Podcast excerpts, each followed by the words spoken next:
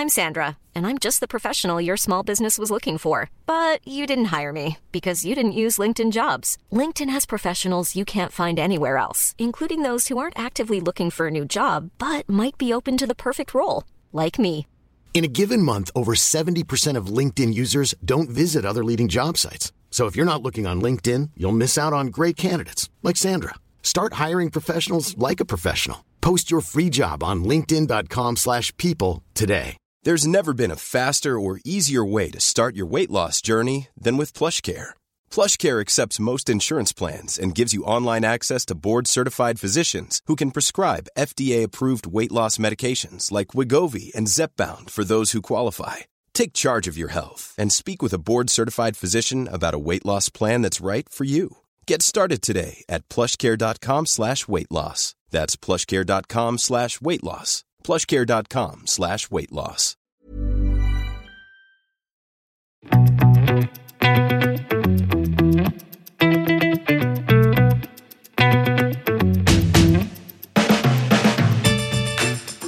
Hei, velkommen til en fersk episode av Klokkelandslaget. Og i dag er vi tilbake i studio med alle. Og alle inkluderer faktisk gjest. Og dette er da Øyvind von Noren Asbjørnsen, som står bak klokkemerket med samme mellomnavn, om vi kan kalle det det. Ikke Ja. Asbjørnsen. Nei. Men det hadde jo vært, det hadde vært uh, veldig norsk, det òg. Ja. Ja. Ja, det gjorde jeg. Ja. Eh, Velkommen i podden. Tusen takk, hyggelig å være her. Du driver jo, som nevnt, dette klokkemerket, og da Men før du begynte med det, så lagde du jo litt sånn film, og hadde forlag, om jeg ikke husker helt feil, og drev litt med sånn sjakkgreier også. Mm. Kan du ikke fortelle litt om hvordan, eller litt bakgrunnen din først, og så kan vi snakke litt mer om klokker etterpå? Jo. Eh, da begynner jeg med klokke, faktisk, fordi at jeg fikk den første klokka, ordentlige klokka, da jeg var tolv år, eh, av oldefar. Og hans søster var gift med urmaker Nelvik i Ålesund. Eh, og det som er gøy, er at datterdattera hans, Birgit Nelvik, hun driver Nelvik enda, og var vår første forhandler til von Noren. Men han hadde syv barnebarn, og så hadde han en, eh, en Certina DS Weave Turtleback som han fikk i sin 70-årsgave av søstera. Og den sa han av alle barnebarna, den skal Øyvind få. Og det var veldig, veldig stas. Så drømte jeg om disse klokkene, og det var kjempegøy å samle og synes det var stas. Men det var jo liksom ikke noe man kunne begynne å, å jobbe med, tenkte jeg den gang. Og så var jeg veldig interessert i film. Eh, og vi lagde masse filmer på smalfilm og VHS og 8 mm og ja, i det hele tatt. Og så da ble det til at jeg studerte film i London og jobba i NRK og drev eget filmselskap og ja, var et år i LA og prøvde lykken der og i det hele tatt uh, jobba mye med filmbransjen, da. og, og alltid prøvd å følge drømmene og jobbe med noe som jeg har en passion for, som jeg er interessert i. Eh, og er jo interessert i, i sjakk. Eh, spiller jo sjakk hver dag, dog på et helt annet nivå enn han jeg lagde film om, nemlig Magnus Carlsen. på et helt, helt annet nivå. Eh, så da lagde jeg den første filmen som heter 'Prinsen av sjakk', om han. Og så før det var jeg litt i NRK, og vi lagde reklamefilmer. Var, var medeier i et selskap som produserte de 50 første kasinoprogrammene på TV Norge. Det forandra jo TV-historien i Norge etter Casino ble, ble produsert. Og så eh, ja, lagde reklamefilmer, komplotter, skjult kamera, om noen husker det, på TV3 osv.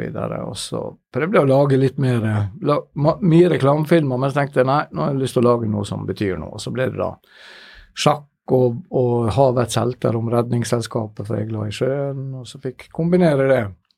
Og flere av disse elementene er jo blitt til klokker senere, Yes, det har de, så det, det men det kan vi komme tilbake til. Vi har jo noen av de på kamera her straks. Ja. Ja. Uh, og da uh, Samtidig så starta jeg et bokforlag, for det ha- handler jo om å fortelle historie. Enten det er film eller gjennom en bok. En bok er jo litt rimeligere måte å fortelle en historie på enn en film. Og så tok jeg over et, eller ble forlagssjef i et litt større forlag. Um, og det var da eh, som jeg solgte på vegne av eieren, eh, Nikke Løvenskiold. Og da gjorde jeg meg sjøl arbeidsledig. men da kunne jeg følge drømmen, fordi da hadde vi ikke så lenge før laga filmen 'Magnus', som vi hadde fått solgt til 60 land, og hadde premiere i New York på De Niros Tribeca filmfestival, så da brukte jeg alle de pengene vi for en gangs skyld tjente på en film, til å starte følge barndomsdrømmen og starte klokkemerket Fondoren. da. I 2015 starta vi 16 hadde vi vår første. Ja. Hva var den første klokken? Det var ei klokke som heter Aksla. Har vi den her sånn? Vi har jo litt klokker Ja, det er den i, med brun skinnrem og gull dublé. Den, ja. Frem. Så det var den første klokka uh, som ble lansert da i, i um, 2016. Og da uh, lanserte vi den på kickstarter. Uh, det er en typisk 42 mm, clean, litt hint av vintage, vil jeg si. Dressklokke, en, en kvarts, safirglass og ja. En, en elegant klokke til pent bruk. Uh, ja. Ble den, det, ble den fundet på noe sånn folkeinvestering lignende? ja, vi, vi, ja. vi, lanserte på kickstart der, ja. så vi fikk inn uh, en del midler der. Men det, vi, da var vi jo ukjente, og vi fikk inn uh, Jeg husker ikke beløpet, kanskje 450 000 eller noe sånt. Mm. Men, men, det var jo på en måte brukt betydelig beløp før det og, ja. og etterpå. Men det var nok til å lage klokken? Det var nok til å lage klokken og få sendt de ut til, til, de som bestilte. Og jeg tror alle, alle de 350 første gikk ut med en gang. Var det, var det til mest norske kunder, eller var det også litt til utlandet? Det var eh, hele verden, faktisk. Ja. Eh, men det var nok 65% norsk, tror jeg. Mm. Den heter jo Aksla, eh, oppkalt etter byfjellet i Ålesund. Uh, og da kan man jo være så ærlig å si at den har jo ikke så veldig mye med Byfjell i Ålesund å gjøre, sånn, men det var jo for å prøve å finne på et, et navn. Men samtidig så har den jo en, en Ålesund er jo den byen med, med tettest artnivå, eller jugendstil, i, i Norge. Litt sånn klassisk så, så, da tenkte vi at det passer bra. Og hvis man ser på mellomrommet mellom de indeksene klokka 12, 6, 9 og 3, så er det mellomrommet Det er brukt betydelig tid for å finne riktig uh, størrelse på mellomrommet der for å få den, uh, den feelingen da, av den vintage-looken. Uh, så den solgte, solgte, veldig bra og, og gjorde at man kunne begynne å jobbe videre med andre modeller. og og gjøre det litt mer profesjonelt og, og sette i gang og bygge en ordentlig fulltidsbusiness av det, da. Men, men hvor, hvor um, eh, Hadde du en veldig klar idé når du startet hvor du ville med merket, eller ble det litt til uh, underveis når du så hvordan det gikk med prosjektet og, og det potensialet som var der? Både og. Jeg hadde en veldig klar idé om at jeg ville skape et, et, et klokkemerke som hadde et helt distinkt uttrykk, hvor alle skulle Når man så, så klokkene, så skulle man se at dette var en Fondoren. Så får det være opp til andre å avgjøre om vi har lykkes med det. og at jeg hadde lyst til å få en litt sånn unik, litt vintage-inspirert feeling av eh, både taktil og visuell følelse av klokkene. da. Men det har jo selvfølgelig gått så mye til. Jobb, veien blir jo til mens man går. Mm. Og nå sitter jo vi her eh, syv og et halvt, eh, åtte år etterpå, så, eh, så det klart Det er jo når man ser seg tilbake, man ser, ser hvordan, hvorfor det ble som det ble. Du vil sikkert ikke røpe for mye hemmeligheter, men sånn, hvor, hvor er det man starter når man, når man bare har en idé om å lage en klokke, man har ikke kanskje vært i bransjen før, og så er det på int? Googler man, eller eh, er det kontakter, eller hvordan er det man ja, går frem? Det er, jeg, jeg, har hatt et mantra av at skal alltid spørre folk som er bedre enn meg om ting. Eh, alltid ansett folk som er bedre enn det, eller ikke være redd for å spørre om råd. Men det begynte rett og slett med at jeg tegna på frihånd noen klokker. Som jeg syns var stilige. Og så har jeg heldigvis en samboer som er veldig god på, på uh, Illustrator og Photoshop og de digitale som er litt mer eh, under average på. Og så hadde, kom vi opp med noen design, og så var det å snakke Kjente jo litt folk i, i bransjen, og så spurte litt og grov og ja, hva bør man ha? Hvordan bør en kasse? Nei, ja, monokokk, bør du ha ditt? Det var masse ting jeg ikke kunne. Mm. Uh, bare spørre og lære, og så var det jo selvfølgelig å begynne å, å kontakte forskjellige fabrikker. Og det var jo veldig vanskelig og omfattende, fordi det er jo ikke tvil om at jeg fikk jo en masse uh, samples i posten på ferdige ting, og så sier de men vi skal ha kassa sånn, dere må lage kassa. Å oh, no, men da må du lage form, og det blir dyrt, og sånn. Vi har jo ferdige deler. Nei, men vi må jo og så, og så lagde man jo flere versjoner og flere fabrikker, og da gikk jo pengene ut.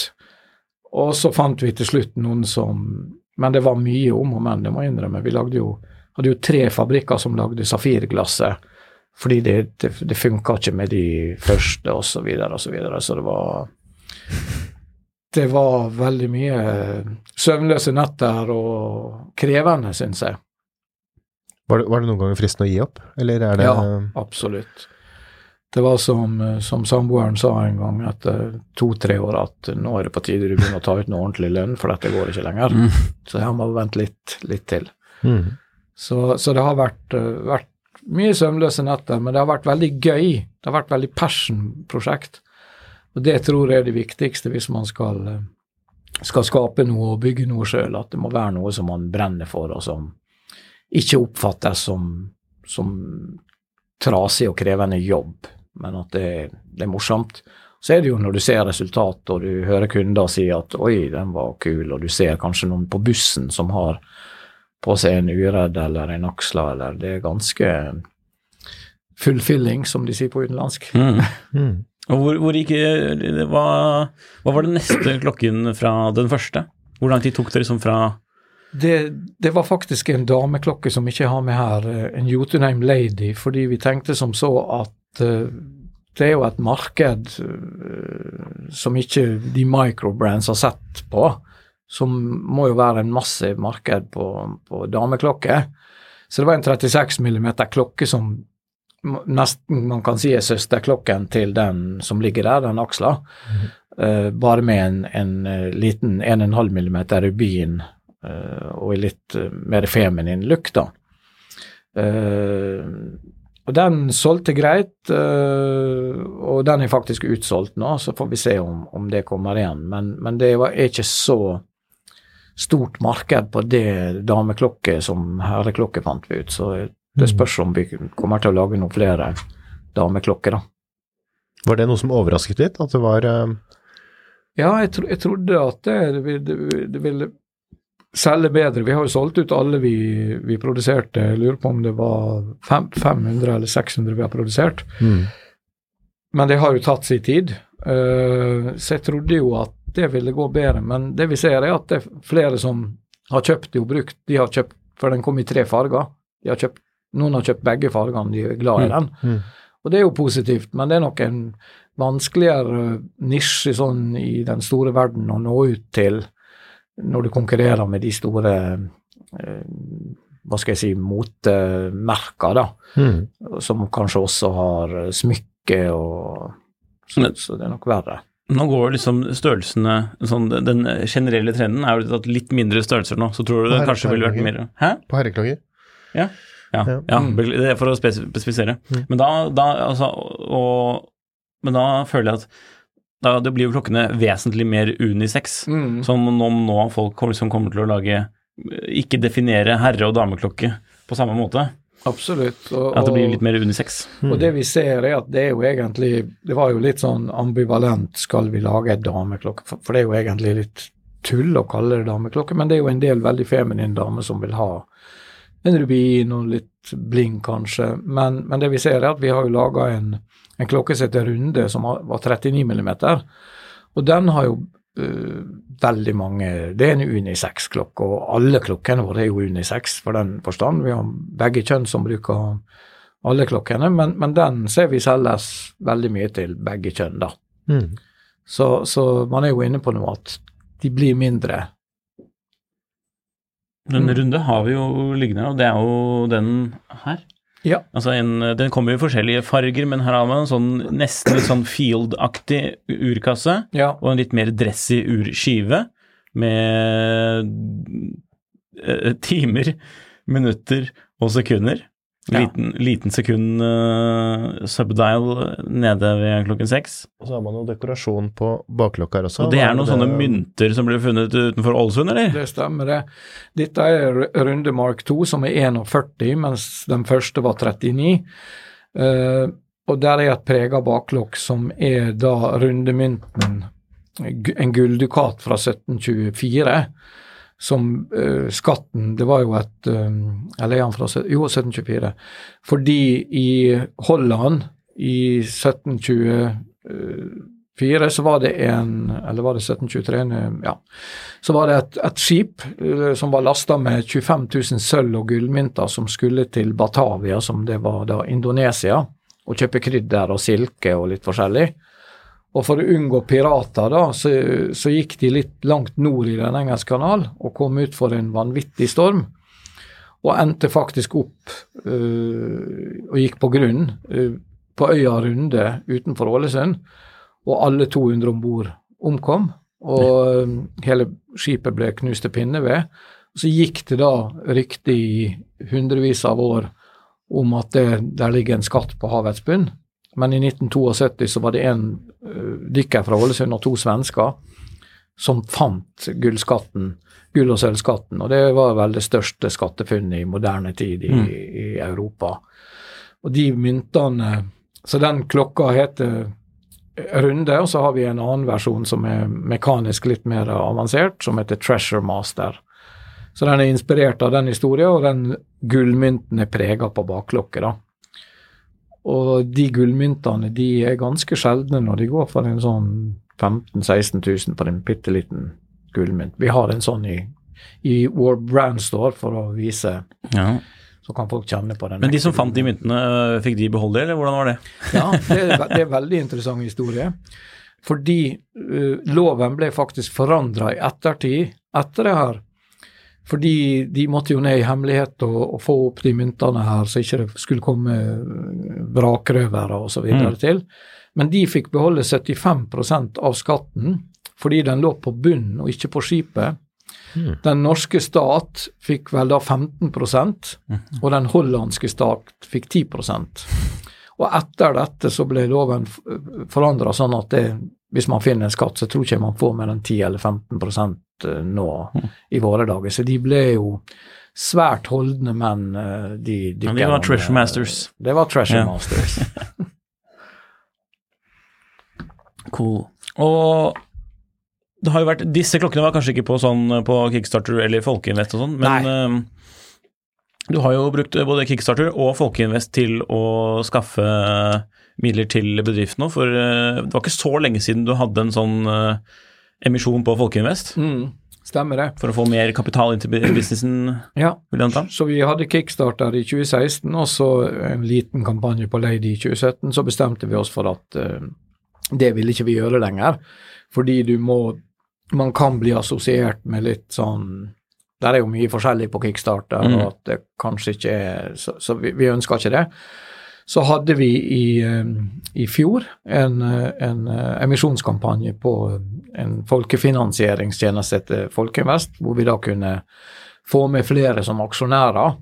Og det var rett og slett for å få mer driftskapital til å eh, funde selskapet for å skalere det, og ikke minst for å da finansiere produksjonen av eh, Il Tempo Gigante automatisk kronograf, som er veldig kostbare å produsere. Og nå er vi jo dessverre i en tid hvor eh, eh, sveitserfrangen er blitt fryktelig dyr for oss nordmenn. Bare siden vi kjøpte første urverket fra Lars Opere, så er det blitt 25 dyrere. Ja. Og kassene er blitt dyrere, alt er blitt eh, Så da var det veldig greit å få inn medaksjonærer og få inn den kapitalen, pluss at de er jo engasjert og promoterer oss og er litt uh, fans, da. Så det er veldig ålreit. Mm. Da kan vi jo kanskje snakke litt om Il Tempo Gigante, da. Så Ja. vi da hopper litt videre. Nå hopper vi litt over kanskje litt flere her, men uh, Ja. vi kan godt Vi kan gå rett- litt sånn fram og tilbake. den, For dette er jo den dyreste klokken til dato. Ja. det Og den største nyheten Vi har jo pratet om den minst to ganger i podkasten, tror jeg. Så du var jo med når jeg gjorde en sånn liten spesialepisode på Watch by Norwegians. Stemmer ikke det? Jo, på Ullevål stadion. Ja. Uh, uten Haaland til stede, naturligvis. Uh, men fortell litt om klokken til de som ikke vet om den. Ja, det Il Tempo Gigante er jo en, eh, en, en veldig spesiell uh, kronograf med veldig bra specs. God og tung å holde i, og 41 millimeter.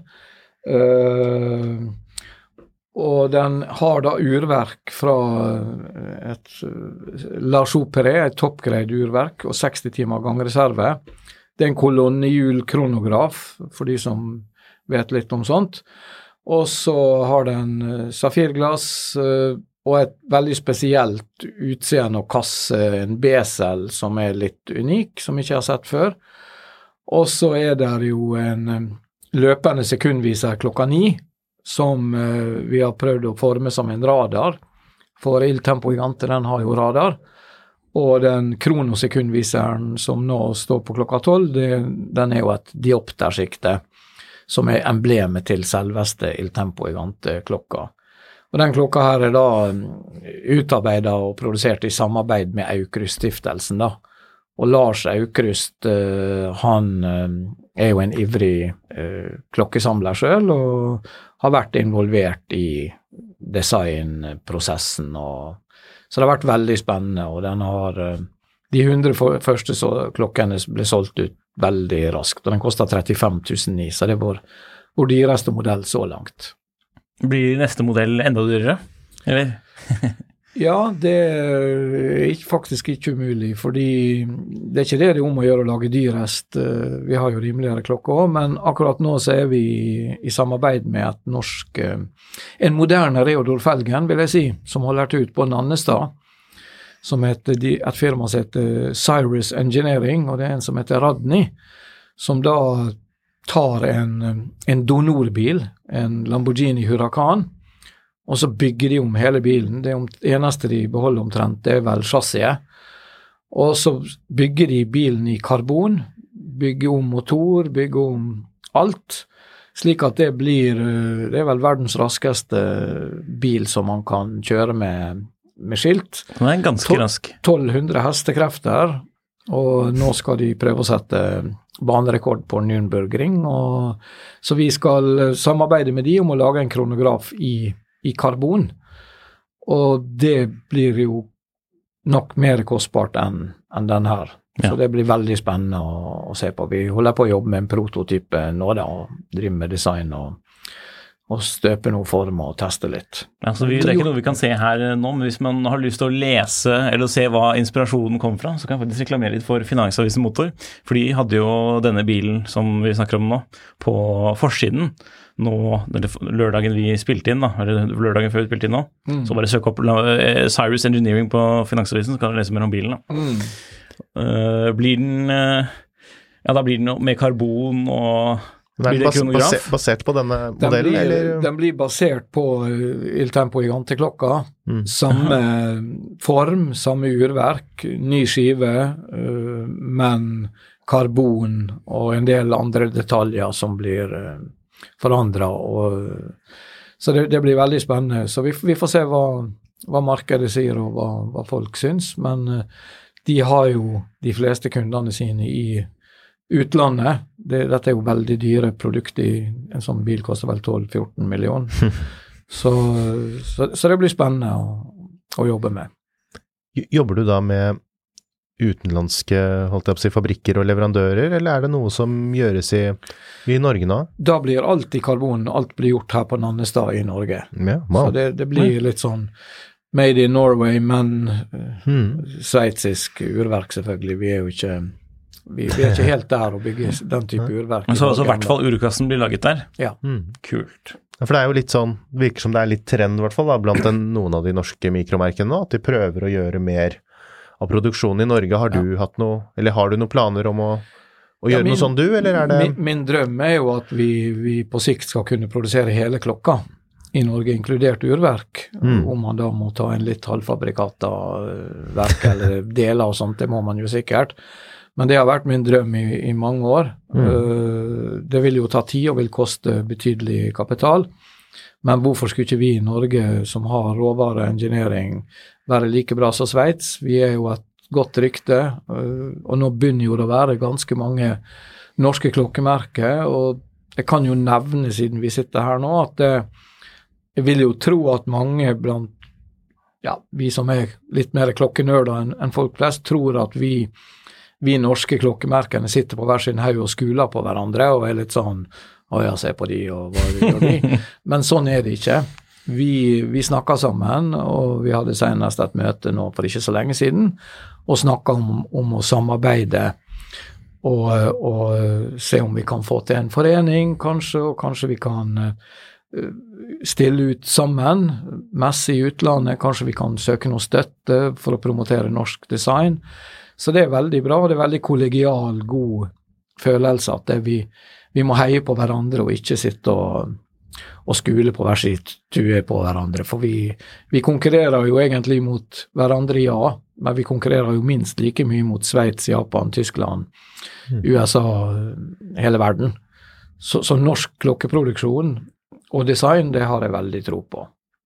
For klokkene dine de selges også i eh, utlandet. Selger du selv også til utlandet fra nettsiden Ja. din? Ja.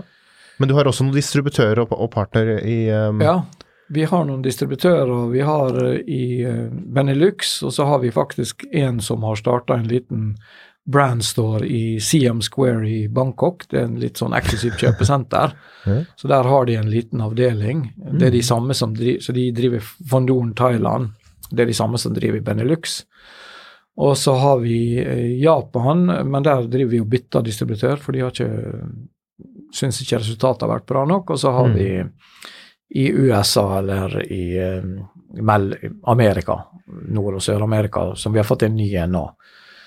Eh, men vi selger jo veldig mye direkte til kunder fra nettsidene, og så bruker vi FedEx, og da Ja, for eksempel, det var en fra New York som bestilte unnskyld, her en dagen, og liksom Han fikk jo klokka omtrent dagen etterpå.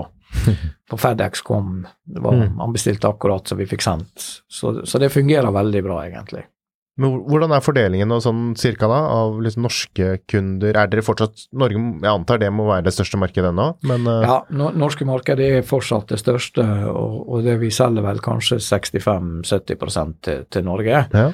Eh, men vi ser stadig at det blir mer og mer i utlandet, og det er jo interessant, eh, spesielt når vi begynner å få omtaler i ja, Blog to Watch, Fratello Watches og utenlandske klokkemagasin og, og, og sider, så, så hjelper det. Mm. Så går det litt i rykk og napp. Vi ser med en gang vi har de omtalene i utlandet, da kommer det. Også. men eh, Norge er jo lite, og verden er jo stor, så det hadde jo vært hyggelig å selge enda mer ute og fått delt eh, modellene våre med de, da. Mm.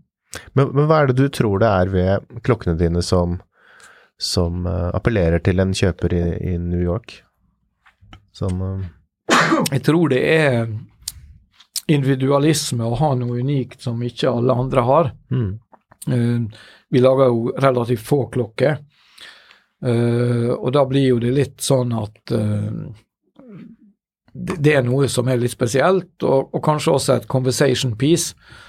Oh, what is that? Ja, that's a Norwegian brand. eh, og så forteller de historier om, om det enten er Il Tempo Gigante eller Pinchcliff Grand Prix, som man heter på engelsk. uh, og så er det jo selvfølgelig også en del som har en relasjon til Norge. Spesielt vi ser jo det i Midtvesten, i, i Minnesota og, og litt sånt, så Ja. vil de gjerne ha noe norsk. Men også Japan, Tyskland, eh, Sør-Amerika, noen som har vært i Norge, men også noen som ikke har noe relasjon til Norge, men som bare syns å ja, det var litt unikt. Det er noe som jeg har lyst til å ha, Mm. som ikke alle andre har. Så håper jeg jo de liker designet også, da, selvfølgelig. Og så har vi jo eh, Hvis vi spoler litt tilbake i tid, så er det jo For det, det er jo et visst sånn sjakkaspekt ved dette vi burde også nevne, Mm. eh, som du var inne på. Ja. For det har jo vært litt eh, sjakkinspirerte klokker også, som det var vel kanskje den første måten eh, merket ble kjent på. Mm. Da har vi f.eks. dette er vel en Grandmaster, er det det? Ja, Ja. er Grandmaster eh, Mark 2, Open Heart. Akkurat den modellen der er min eh, private, som er raffinert av urmaker Roy Sivertsen, en, en, en norsk veldig dyktig urmaker som nå jobber for IWC i Schaffhausen. Uh, men det er en klokke som er inspirert av den uh, ja, for å bli stormester, da, eller grandmaster i sjakk, så må man, uh, må man være veldig tålmodig og dyktig og ja, tålmodighet og innsatsvilje, da. Så, så den klokka er inspirert av det, og man ser på en slags gilosjmønster at det kan være sjakkrute. Uh, og forma er jo veldig sånn uh, avrunda og, og god. Den er jo 43 millimeter, men ser kanskje ikke så stor ut. Jeg har jo ganske tynne håndledd, og, og, og selv jeg kan bruke den. Eh, så vi lagde først vår første og dyreste klokke. Det var en som heter Grandmaster Kajsa, som er en lignende modell, bare den var svart. Helt unik skive. Og den kosta 25 000 den gang, og de ble utsolgt på veldig kort tid. Og der har altså da de ti beste sjakkspillerne i verden i 2017, de har en sånn hver. Mm. Så det har jo hjulpet litt at de har tatt bilde av seg sjøl, eller vi har fått bilde av de med klokkene på. Magnus Carlsen fikk en sånn, og det det jo på grunn av den sjakkinteressen og den filmen vi, vi lagde, da. Så her ser man at i Open Hearten så er det forgylt, altså det er egentlig stålt, eller det, den er stålfarga til vanlig, da, men her er den uh, raffinert litt av han uh, IWC-urmaker Roy Sivertsen. Så det er jo hyggelig. Apropos urverk, du, du har jo en bil med det som kjennetegn. Ja, jeg har det. Så for, så så for de som hører på, så Øyvind er jo lett å kjenne igjen i bybildet i Oslo, hvis man, eh, hvis man vet uh, det. Ja, jeg har en Mini med, eh, med bilskilte urverk, hvor vi da har drevet og skulle få på litt reklame for Fondoren, men det har vi ennå ikke kommet så langt. Men vi, nå er det jo på tide å få gjort det, da, for vi har hatt den i, i noen år. Mm. Så uh, syns det var litt gøy, da. Og hvis vi, når vi er inne på fartøy og kjøretøy, så kan vi også snakke om uredd. Ja, For det er jo en, det er vel den klokken som har kanskje fått mest blest sånn totalt sett, eller? Uh, ja den, den har fått mye oppmerksomhet, både i inn- og utland, og, um, den og Il Tempo Gigante, men, men den Det var en stor suksess og helt spesiell kasse. Uh, Den har norsk uh, ukedag uh, eller engelsk, det kunne man velge. Den er jo basert på og inspirert av den historien med Ole Brude som i 1904 eh, sa at han skulle eh, lage verdens eh, sikreste livbåt. Så han bygde et rundt egg i stål, 18 tonn. eh, 18 fot eh, Nei, det var ikke 18 tonn, det var 18 fot og 4,5 tonn. Eh, ingen motor. Seil. Skulle da dra fra bevise at dette var den beste livbåten, og dro fra Ålesund til Boston i USA. Og i 1904 Det er en lang, lang tur i dag med store fartøy. Men han og tre andre satt seil og seilte over og kom i orkan og gikk rundt og knakk masta. Men etter fire måneder så kom de i land i eh, en liten eh, by som heter Gloucester nord for Boston. Og de overlevde, og de ble helter og forside på aviser verden rundt. Og, og da når jeg var liten og vokste opp i Ålesund, som man sikkert hører på min, min dialekt, så, eh, så gikk jo vi og klatra på det egget, for det står utenfor museet i Ålesund. Ikke akkurat det, for det forsvant, men en, en, et søsterskip av det. Og vi, vi syntes jo det var helt utrolig at han kunne seile til Amerika som lite barn med det lille egget. Så vi var veldig fascinert av det, og tenkte at det er en klokke som vi har lyst til å lage. Og den ble laga i maks 1904 eksemplar. I både norsk og engelsk og i alle farger. Så 1904 til sammen, da. Så den, og den er utsolgt nå, så det var jo en, en stor suksess. Og Dette er jo en slags dykkerklokke med vridebar besel. Ja. Den er jo Det er jo en sportsklokke. Den er jo bare 100 meter, så, men diver-inspirert Ja. look. Og et automatisk uh, STP-urverk. Uh, Day Date. Uh, som jo man måtte trengt på om man var midt på sjøen i, i alle de månedene. Hvilken dag er det, og hvilken dato er det? Så vi hadde- mat til fire måneder, altså.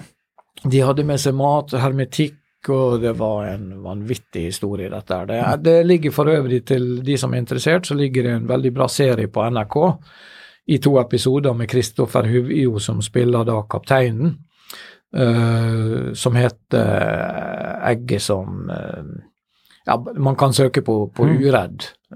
Egget som krysset Atlanteren, tror jeg serien heter. Den ligger på nettspilleren. Men fikk han solgt noen livbåter etter denne greia? Det er også en veldig interessant historie, fordi de ville jo De starta jo Brudes livbåtfabrikk, starta et aksjeselskap, og det var ikke måte på i Ålesund, og de fikk et verft i Bergen til å bygge opp disse båtene, og bygde vel syv-åtte skip. Men de var jo vesentlig dyrere enn de tre prammene som de hadde, så de fikk solgt en del, men eh, det gikk ikke Det var vel først på 70, slutten av 60, begynnelsen av 70-tallet at det ble standard å få opp, eh, lukka livbåter Ja. på skip. Så han var forut for sin tid, han Ole Brude. Så det finnes flere uredd-klokker enn uredd uh, Det uh, redningsskip, holdt jeg på å si. Det gjør det. Ja. det, gjør det. Hey, I'm Ryan Reynolds. Recently, I asked Mint Mobile's legal team if big wireless companies are allowed to raise prices due to inflation. They said yes. And then when I asked if raising prices technically violates those onerous two year contracts, they said, What the f are you talking about, you insane Hollywood ass? F- So to recap, we're cutting the price of Mint Unlimited from $30 a month to just $15 a month. Give it a try at mintmobile.com slash switch. $45 upfront for three months plus taxes and fees. Promo rate for new customers for limited time. Unlimited more than 40 gigabytes per month. Slows. Full terms at mintmobile.com. Ready to pop the question? The jewelers at BlueNile.com have got sparkle down to a science with beautiful lab grown diamonds worthy of your most brilliant moments. Their lab grown diamonds are independently graded and guaranteed identical to natural diamonds, and they're ready to ship to your door. Go to BlueNile.com and use promo code LISTEN to get $50 off your purchase of $500 or more. That's code LISTEN at BlueNile.com for $50 off. BlueNile.com code LISTEN.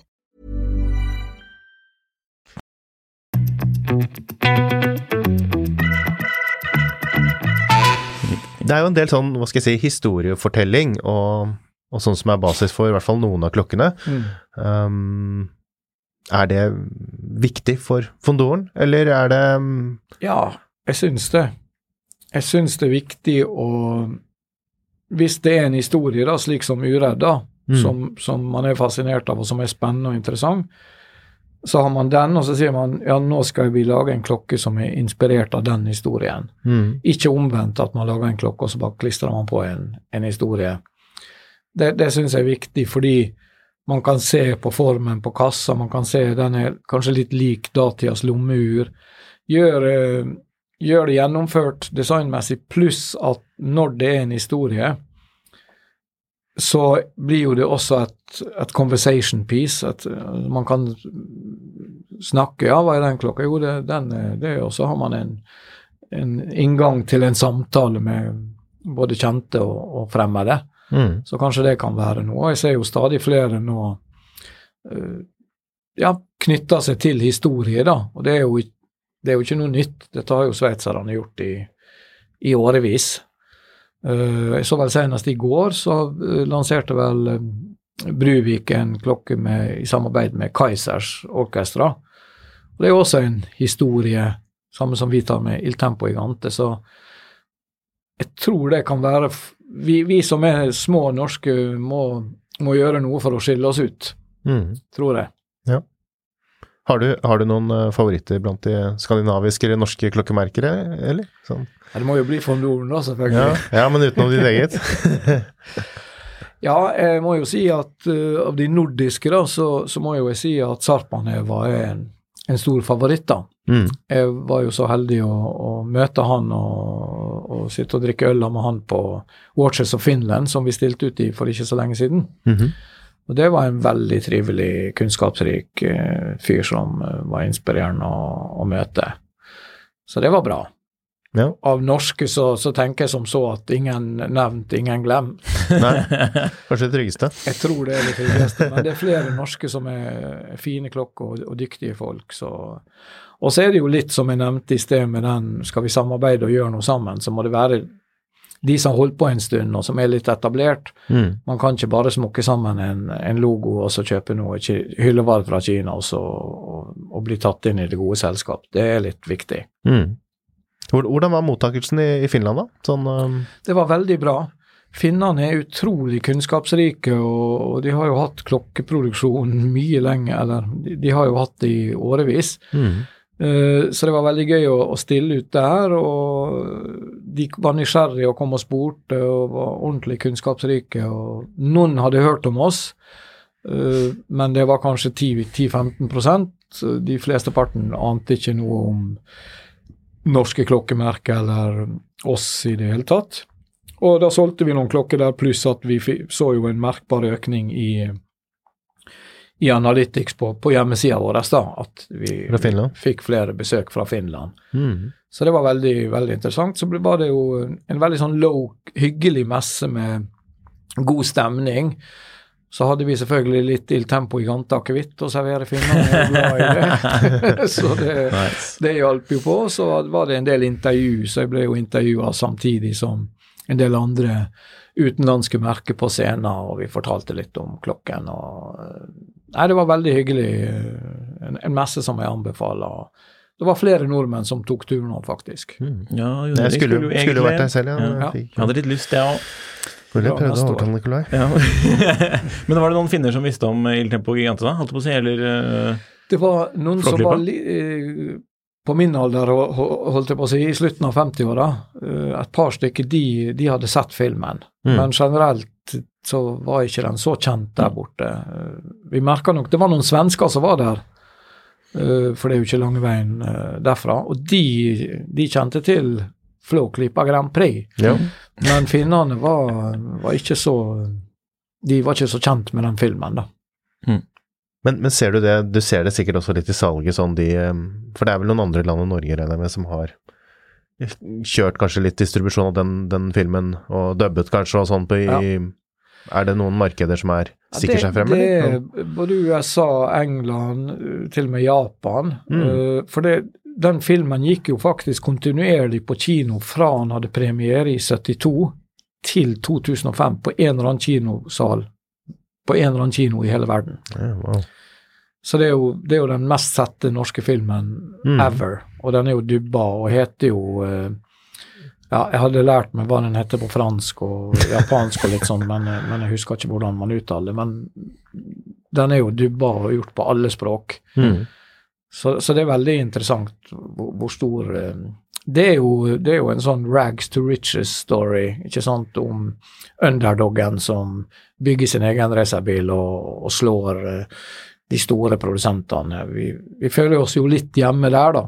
Ja. Vi som er en liten underdog fra Norge som skal slåss mot gigantene fra Swartz Group og LMVH og ja, alle de Richemont. ja. For hva er, liksom, hva er ambisjonene for merket eh, videre? Er det å karre seg opp eh, på et sånt på et liksom Eller komme seg opp på et uh, høyere prisnivå, eller skal du bli best i denne priskategorien som man er i nå, eller? Det er et godt spørsmål, men, men målet er i grunnen å ha det gøy og lage klokker som vi syns er kule og fine og, og spesielle og unike, og så gjerne nå ut til flest mulig med de, de klokkene. Det var litt sånn som når jeg, jeg studerte film i London, på filmskolen der, så var det jo alltid noen sånn Nei, de skulle lage kunstfilmer for de få, og de skulle sånn. Så sier han ene professoren ja, men hvis du lager en film, så må jo målet være at flest mulig skal se den filmen. Og det tenker jeg litt her er flest mulig skal kunne se og eller bruke klokkene. Men det kommer jo aldri til å bli et masse markedsmerke.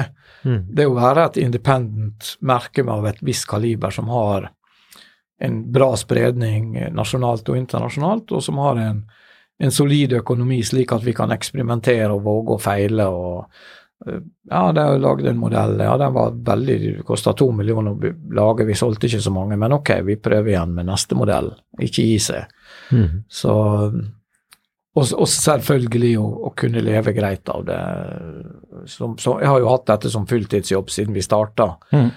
og det, det tror jeg er veldig viktig for å Selv om det har vært tøft uh, lønnsmessig, så er det noe med å kunne gjøre det fulltid, og ikke sånn på hobbybasis, tenker jeg. Vi må jo nevne at du har butikk også.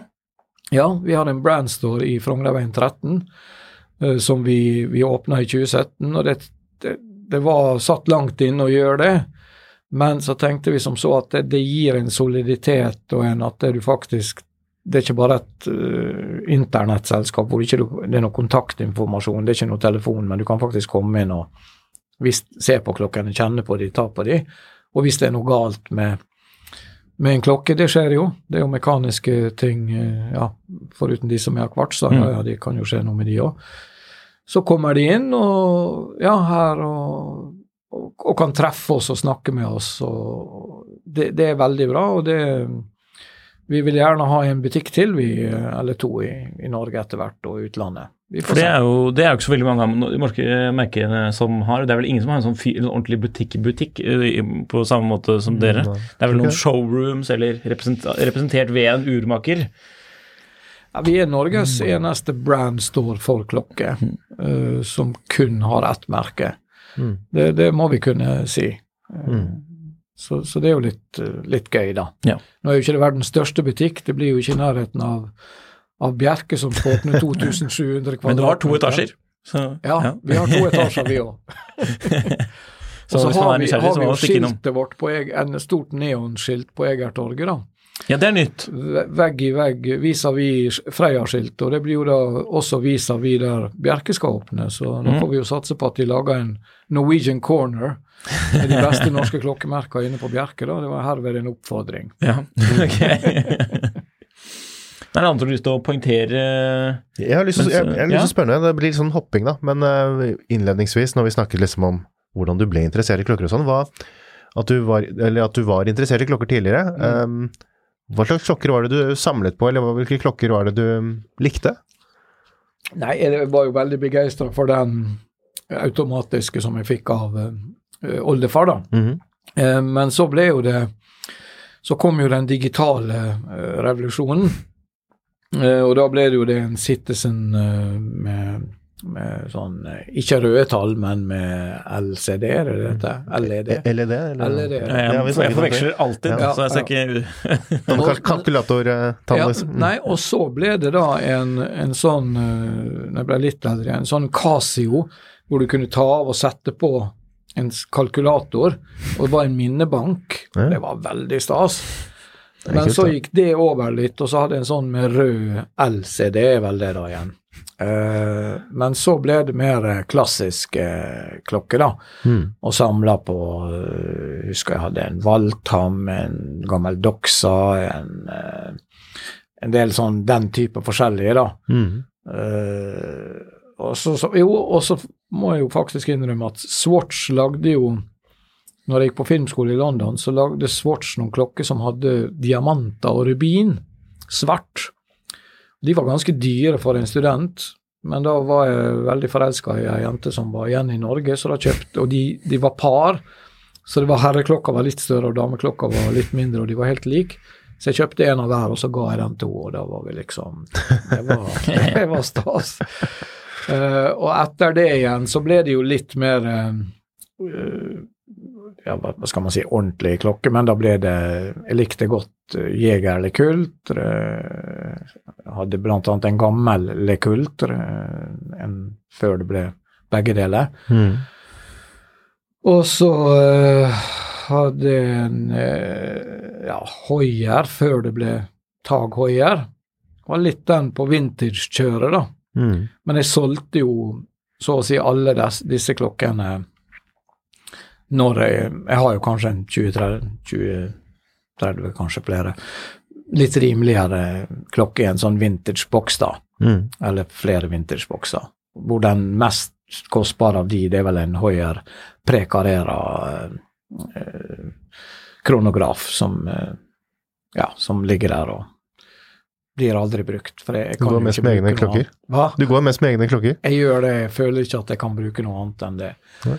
Jeg hadde én Rolex en gang, og det var en sånn Celini gull, 14 karat gull, som var veldig elegant dressklokke som Ja, jeg liker jo godt dressklokke også, Mm. syns det. Og der er jo kravet til lesbarhet på en dressklokke Hvis man ser på lesbarheten på de klassiske ekvivalenten til dressklokke for damer, da, så er jo den null. Altså, eh, min samboer arva en, en Lady Matic Omega av min mor. Det er jo nesten umulig å se hva klokka er hvis ikke du har briller på, men den er fin, smykke i gull og sånt. Mer smykke enn klokke. Det er mer smykke enn klokke. Mens, eh, mens på dressklokke så må jo lesbarheten være bra.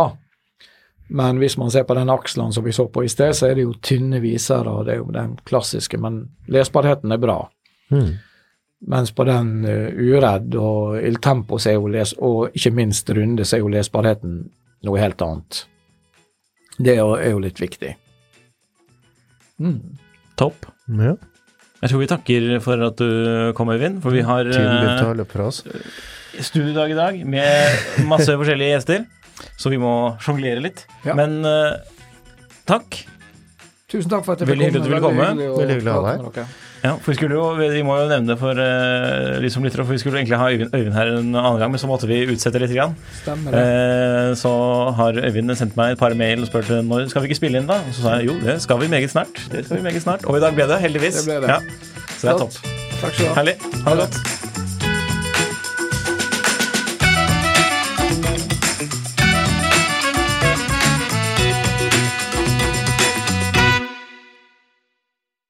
Klokkelandslaget er en Finansavisen-podkast i samarbeid med Tidso. Programleder er Nicolai Giel og Jon Henrik Haraldsen. Produsent er Lars Brenden Skram. Podkast- og videoansvarlig er Marius Mørk Larsen. Og ansvarlig redaktør er Trygve Hegnar.